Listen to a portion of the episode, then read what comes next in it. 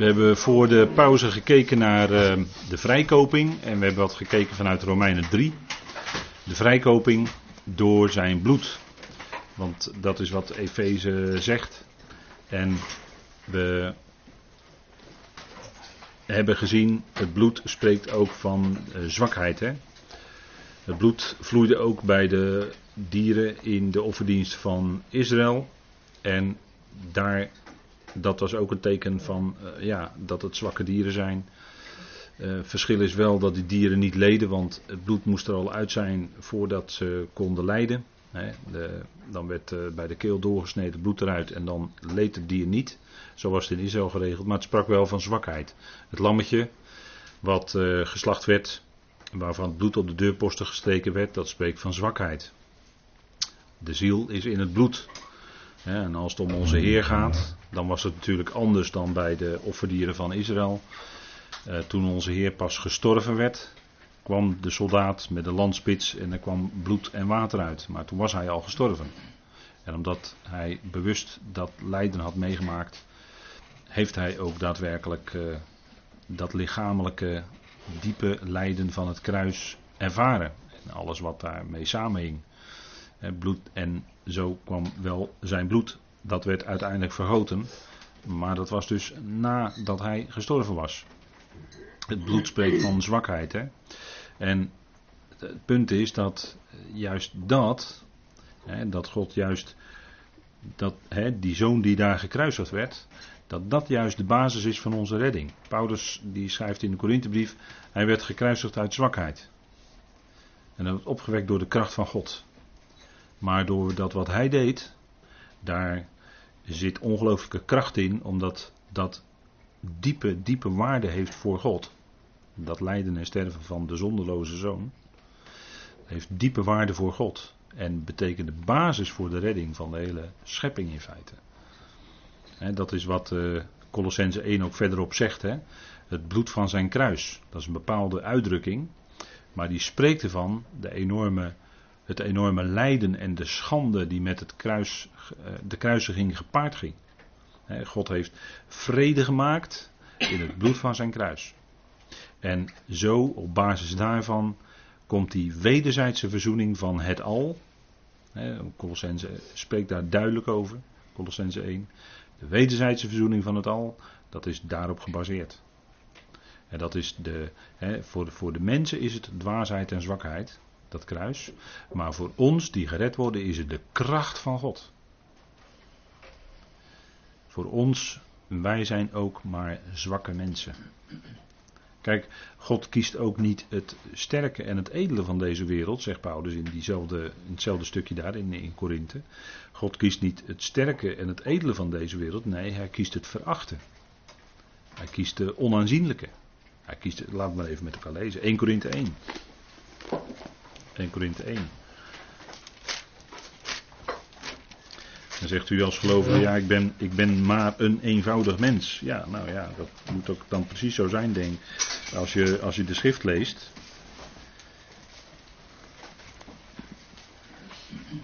En als Paulus dan predikt over de gekruisigde Christus, dan is dat juist voor de Corinthiërs, aan wie hij dat schrijft, inderdaad de boodschap. Hè? De gekruisigde Christus vanaf vers 23, 1 Korinthe 1. Wij echter prediken Christus, de gekruisigde. Voor de Joden een struikelblok en voor de Grieken een dwaasheid. Maar voor hen die geroepen zijn, zowel Joden als Grieken, Christus, de kracht van God en de wijsheid van God.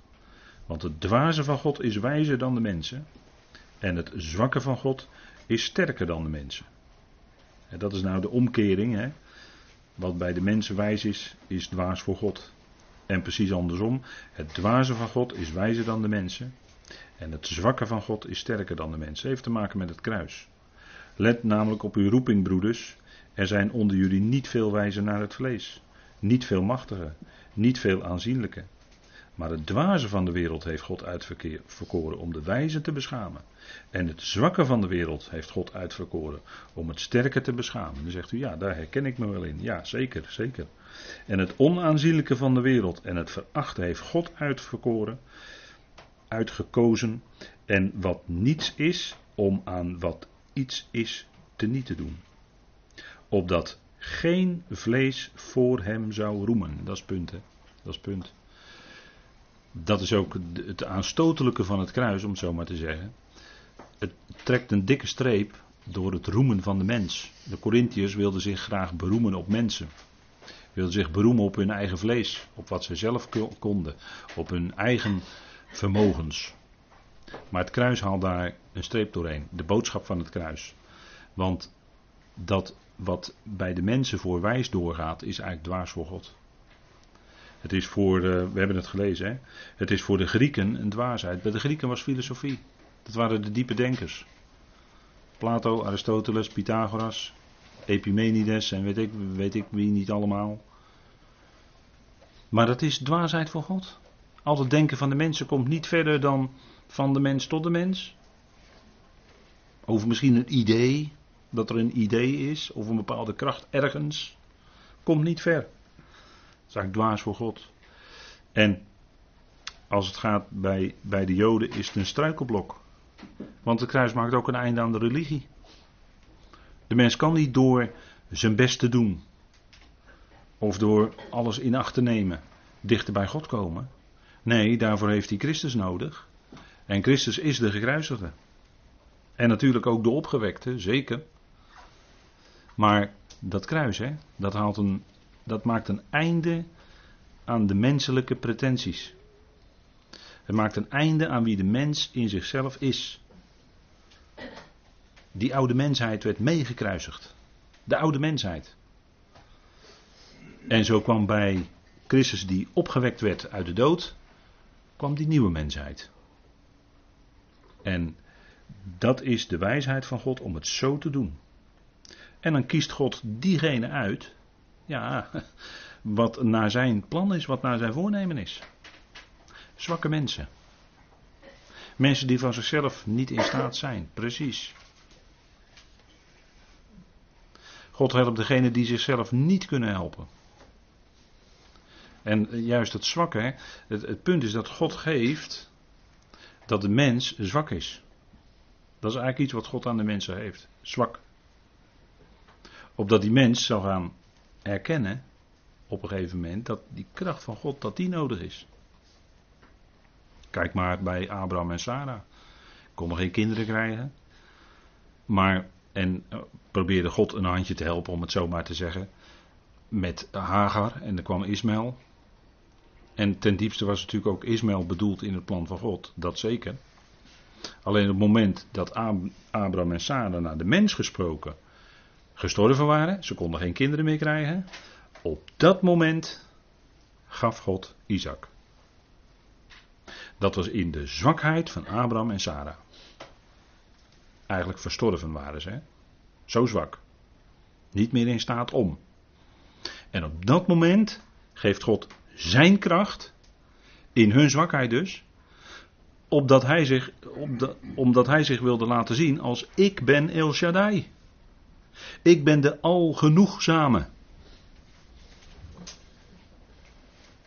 En God zei tegen Abraham: Wandel voor mijn aangezicht. Dat kon Abraham uit zichzelf helemaal niet. Maar daar had hij de kracht van God voor nodig. En zo kwam Isaac. Het punt is dat, dat is ook wat hier staat. Hè? Het zwakke van de wereld heeft God uitgekozen om het sterke te beschamen. God maakt de mens op een gegeven moment zwak. En dat is precies naar zijn plan, dat is precies zijn bedoeling. Opdat hij zijn kracht in die zwakheid kan laten zien. Dat zegt hij natuurlijk in die hele bekende woorden tegen Paulus, 2 Korinthe 12. Mijn genade is je genoeg. Jij bent zwak, Paulus. Er overkomt jou allerlei lijden, verdrukkingen, moeite, strijd. Dag en nacht in de moeras. Verschillende keren schipbreuk geleden. Noem alles maar op. Enorm lijden omwille van het evangelie. Kwaad lijden om het evangelie.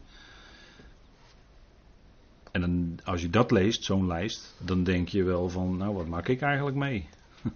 Dat stelt niks voor vergeleken bij wat Paulus allemaal overkwam. En de Heer zei tegen Paulus: Paulus, die boodschappen van de tegenstander die je met vuisten slaat, ja, dat maakt jou heel zwak. Maar dat is ook opdat je je niet al te zeer zou verheffen. Dat zegt hij twee keer, hè, omdat je niet al te zeer zou verheffen. Doorn in het vlees. Boodschappen van de tegenstander. Notabene.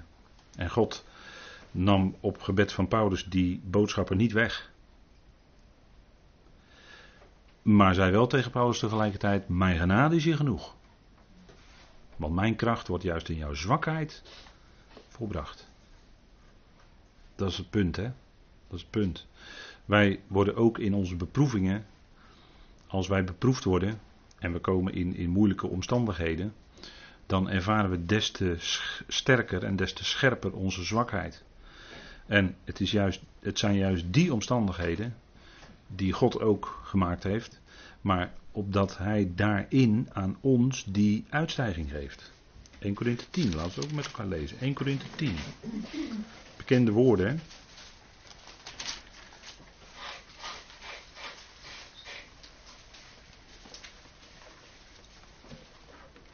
En het is een wat afsluitend vers naar aanleiding van het voorbeeld van Israël uit de geschiedenis die hij de Corinthiërs voorhoudt. En dan zegt hij in eh, vers 11: Al deze dingen, hè, de Israël, zijn hun nu overkomen als voorbeelden of als typen voor ons. En ze zijn beschreven tot waarschuwing voor ons over wie de einden, meervoud, van de Ionen, meervoud, dus meerdere ionen kennen ook meerdere einden. Het gaat hier om de einden van de ionen. Dus het begrip ion in de Bijbel is tijdperk, altijd. Olam overigens ook, is altijd tijdperk. En de daarvan afgeleide begrippen ook. Is altijd tijdelijk. Over wie de einden van de ionen gekomen zijn. Daarom wie denkt te staan, wie meent te staan, laat hij oppassen dat hij niet valt. Eigen kracht, hè? En ook een gelovige kan daar zomaar in schieten, toch weer terugschieten in eigen kracht. Daarom zegt Paulus: Daarom wie denkt te staan, laat oppassen dat hij niet valt. Meer dan een menselijke beproeving is u niet overkomen. En God is getrouw. Dat is het punt, hè? Dat staat boven alles. God is getrouw. Hij voert zijn plan uit in grote, nooit aflatende trouw. Hij is trouw aan de belofte die hij gegeven heeft. Aan u en aan mij en aan Israël. Hij is trouw aan zijn volk Israël. Dat heeft hij met een eed gezworen. En dat zal hij gestand doen. Hij zal niet toelaten dat u beproefd wordt boven wat je aan kan, hè, boven wat je kunt. Maar hij zal met de beproeving ook voor de uitkomst zorgen. Dus God zorgt, hè, eigenlijk staat hier dat God ook voor die beproeving zorgt, dat we daarin komen. Maar hij zal met die beproeving, want daarin leren wij iets, hij zal met die beproeving ook de uitkomst geven. Om die te kunnen doorstaan. Er staat er letterlijk eronder dragen. dat woord doorstaan is eigenlijk, ik lees het hier uit de herziene statenvertaling, maar dat is eigenlijk eronder dragen. Dus dat hij zijn armen onder je heeft en je draagt. Eronder dragen. Dat is heel mooi hè, dat dat er zo letterlijk staat in het Grieks. Dat is wat hij geeft. En dan in die beproeving, in die moeilijke omstandigheden, leren we omhoog te zien en het te verwachten van hem. En hij is trouw. En elke keer zal blijken, moeilijke omstandigheden, je kijkt omhoog, je verwacht het van hem, hij is trouw en hij geeft dan ook die kracht om het te kunnen doorstaan. Dat is die uitkomst die hij geeft. Hij neemt de omstandigheden niet weg. Maar hij geeft je wel in die omstandigheden de kracht zodat je het kan doorstaan. En als je terugkijkt in je leven als gelovige, zeg je: Ja, Heer, dat moment was het heel moeilijk, maar u was trouw. U heeft mij gedragen. U was trouw ook op dat moment en toen later ook nog. En steeds weer blijkt dat. En dat komt omdat God trouw is. Dat staat boven alles uit. Hè? En dat is, dat is zijn liefde. Alles ontspringt aan zijn liefde. We hebben het gezongen vanavond. Liefde is de bron. Maar alles ontspringt aan zijn liefde. Hij is trouw omdat hij liefde is. Daar komt het uit voort. Hij is rechtvaardig vanuit zijn liefde.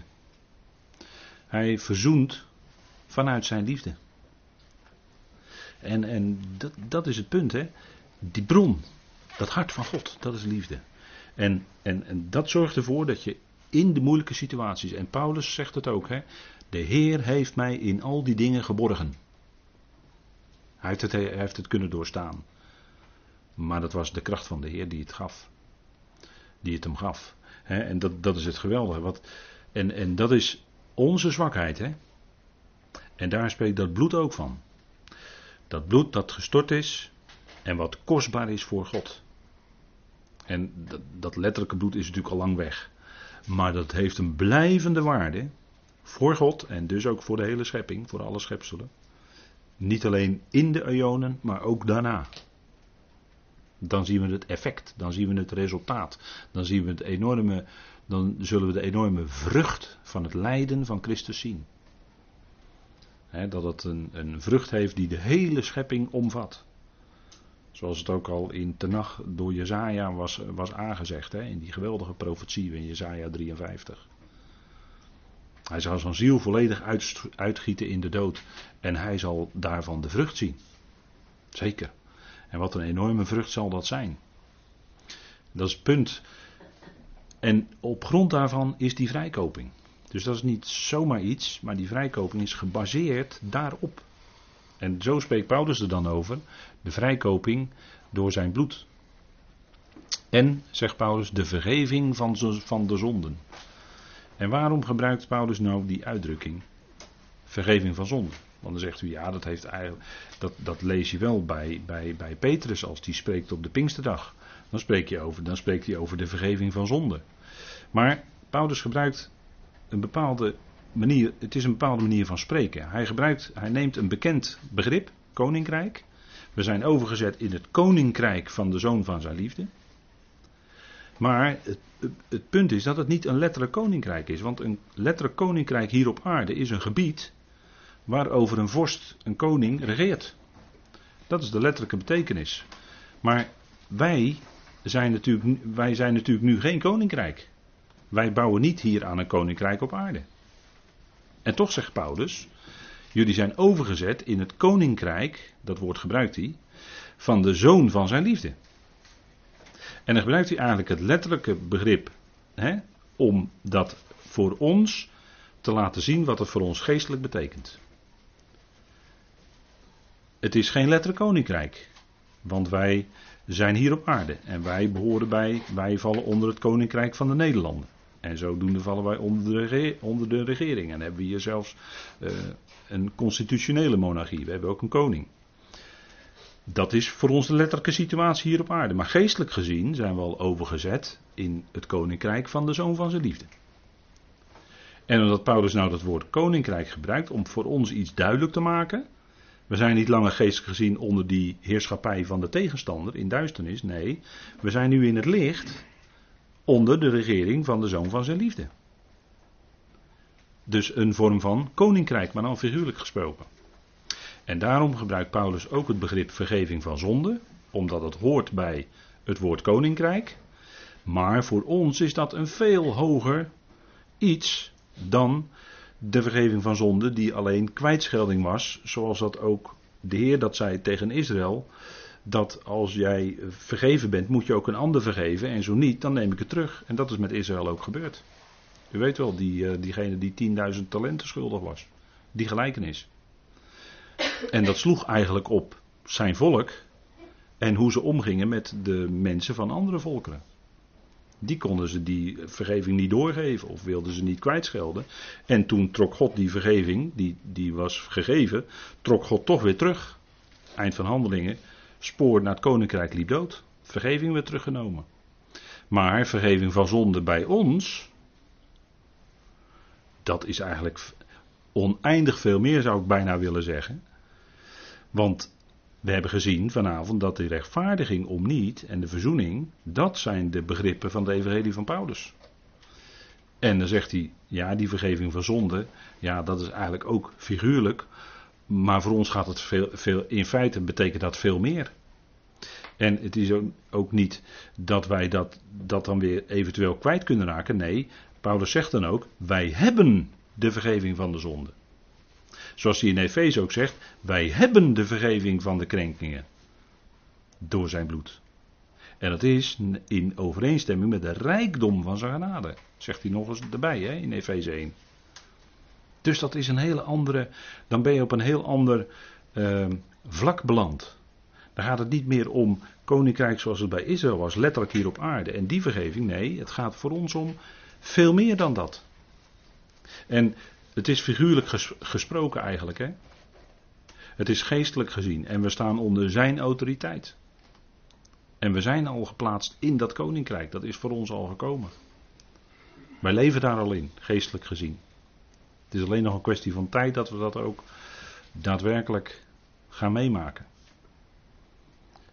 Dus even om aan u proberen duidelijk te maken waarom zegt Paulus dat zo hè, in Colossense 1.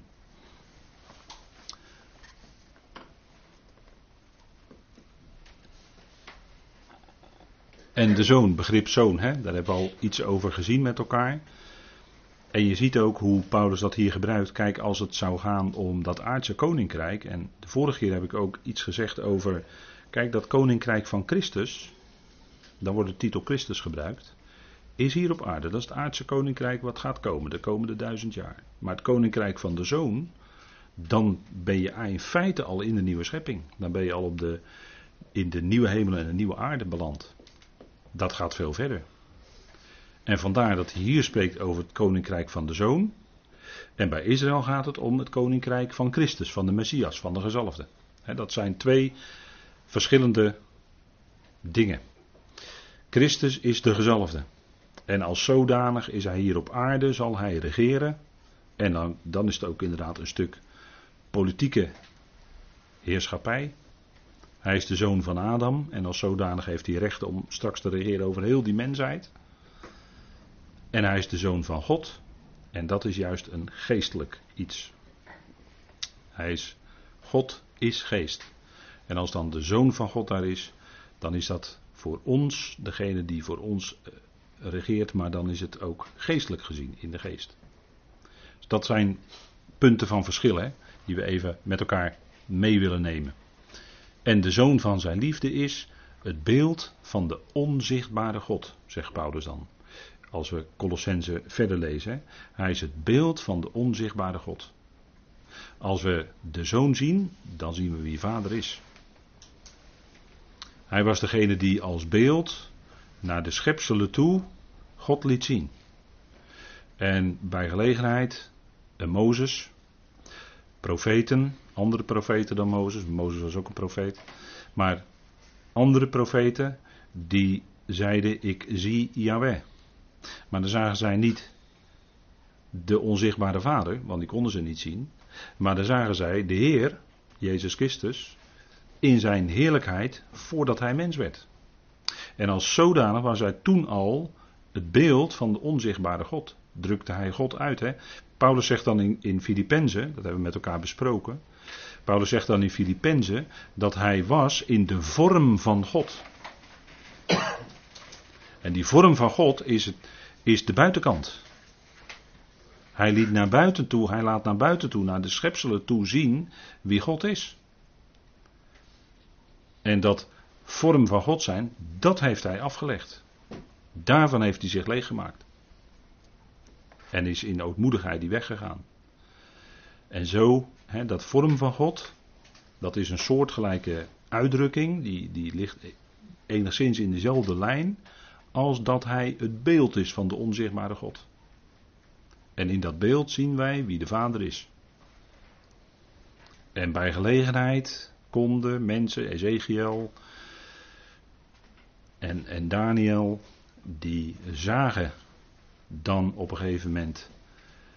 Daniel zegt dan: Ik zag de overzetter van dagen. Wordt helaas vertaald met uh, een, een, oude man. Nee, helemaal niet. Het, er staat eigenlijk: Hij zag de overzetter van dagen. Die zag hij zitten op de troon.